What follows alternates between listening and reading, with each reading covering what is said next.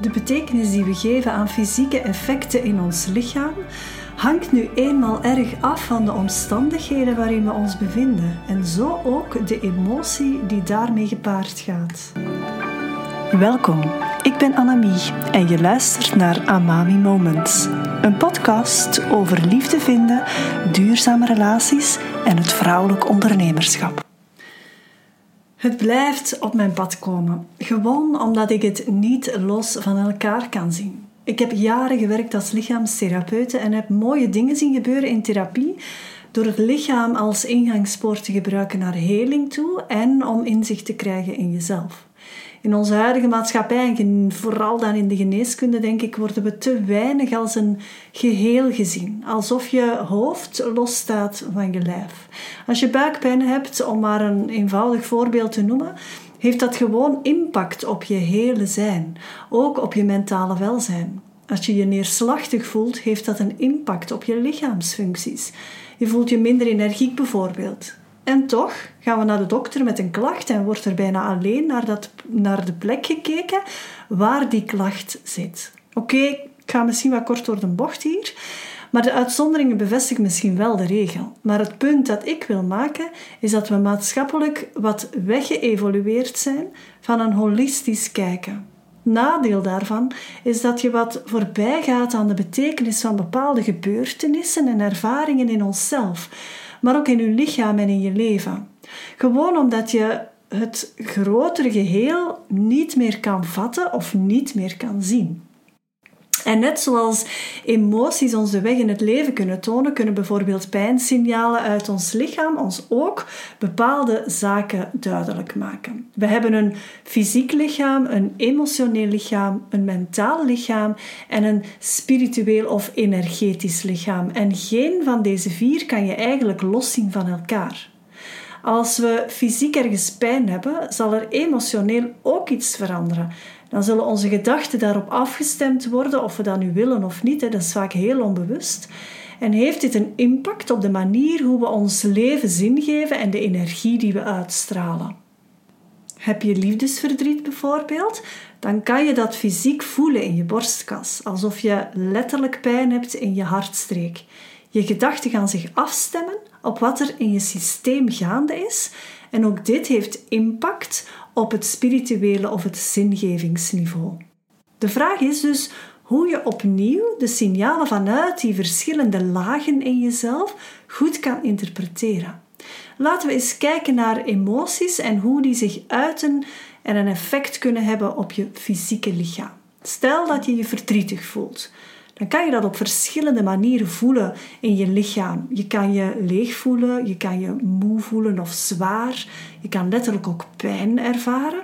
Je kan wat vertraagd zijn, je kan huilen en je kan je verslagen voelen. En ik ben ervan overtuigd dat iedereen zijn specifieke manier heeft om verdriet te ervaren in zijn lichaam. Stel dat je je blij voelt, dan voel je je eerder kalm of open, zacht, misschien zelfs wat energieker of vervuld en redelijk stabiel. Als je kwaad bent, dan kan je beven, gespannen zijn, een bonkend hart hebben. Je klemt je kaken op elkaar. Je kan hoofdpijn hebben. Je maag keert zich. Misschien kan je wat explosief zijn of je kan het heel warm krijgen en noem maar op. Voel je je opgewonden, dan kan je hart ook tekeer gaan. Of ben je rusteloos, maar dat is van een andere orde dan dat je kwaad bent. Je kan je heel geactiveerd voelen als je opgewonden bent, maar ook enorm veel energie genereren. Misschien wat fusie, dat kan zeker ook. En ook hier kan, je, ja, kan het soms wel eens gebeuren dat je wat moeilijker kunt eten. De betekenis die we geven aan fysieke effecten in ons lichaam hangt nu eenmaal erg af van de omstandigheden waarin we ons bevinden en zo ook de emotie die daarmee gepaard gaat. Ervaar je iets negatief, dan kan je het feit dat je maag keert helemaal anders geïnterpreteerd worden dan dat je verliefd bent en, en niet kunt eten bijvoorbeeld. Het probleem is echter dat we graag controle willen hebben over alles, ook over onze emoties en over ons lichaam. Maar we kunnen niet voorbij aan de taal van ons lijf en aan de overgave aan het leven. Dat gebeurt nu eenmaal. Nu, stel dat we hier de energiecentra of de chakras even bijhalen. We hebben er in totaal zeven. Eigenlijk zijn er meer, maar deze zeven zijn het meest gebruikt. En ik ga enkele voorbeelden geven, hè, want ik zal ze even opnoemen misschien. Hè. De eerste chakra of de onderste is de stuitchakra. Dan heb je de sekschakra, je hebt, uh, dat is je creatieve centrum. Je hebt de navelchakra, hè, dat heeft eerder zonnevlecht te maken. Hè. Dat is wat meer zoeken naar je eigen individualiteit. Je hebt het vierde niveau, dat is de hartchakra.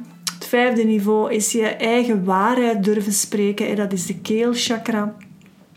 Het zesde niveau is het derde oog of de mind chakra. En het zevende uh, niveau is eigenlijk de bliss of de eenheidschakra. Dus dat zijn kort even opgesomd. Ik ga daar nu niet verder op ingaan.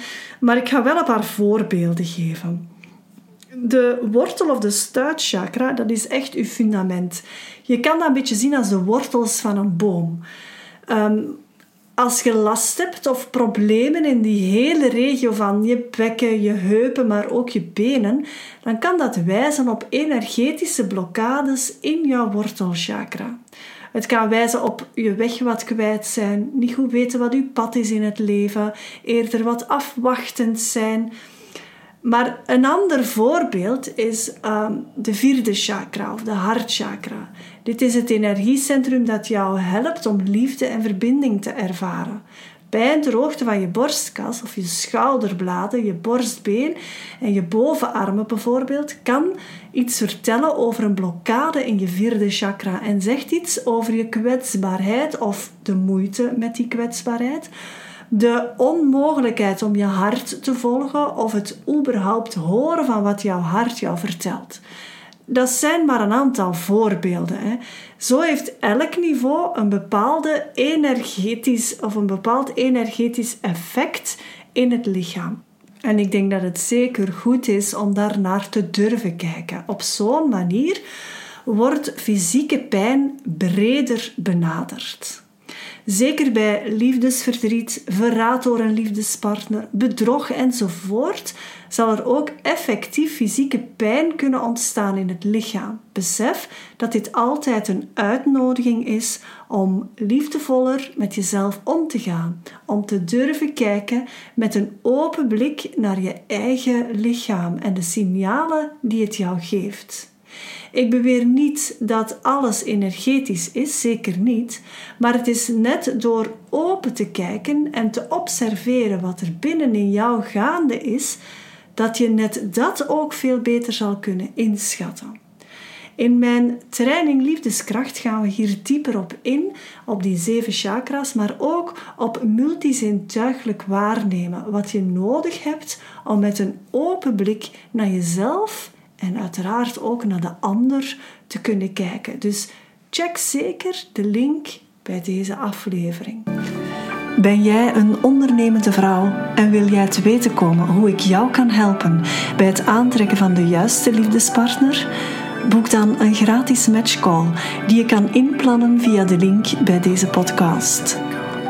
Ik ontmoet jou graag in een volgend Amami Moment.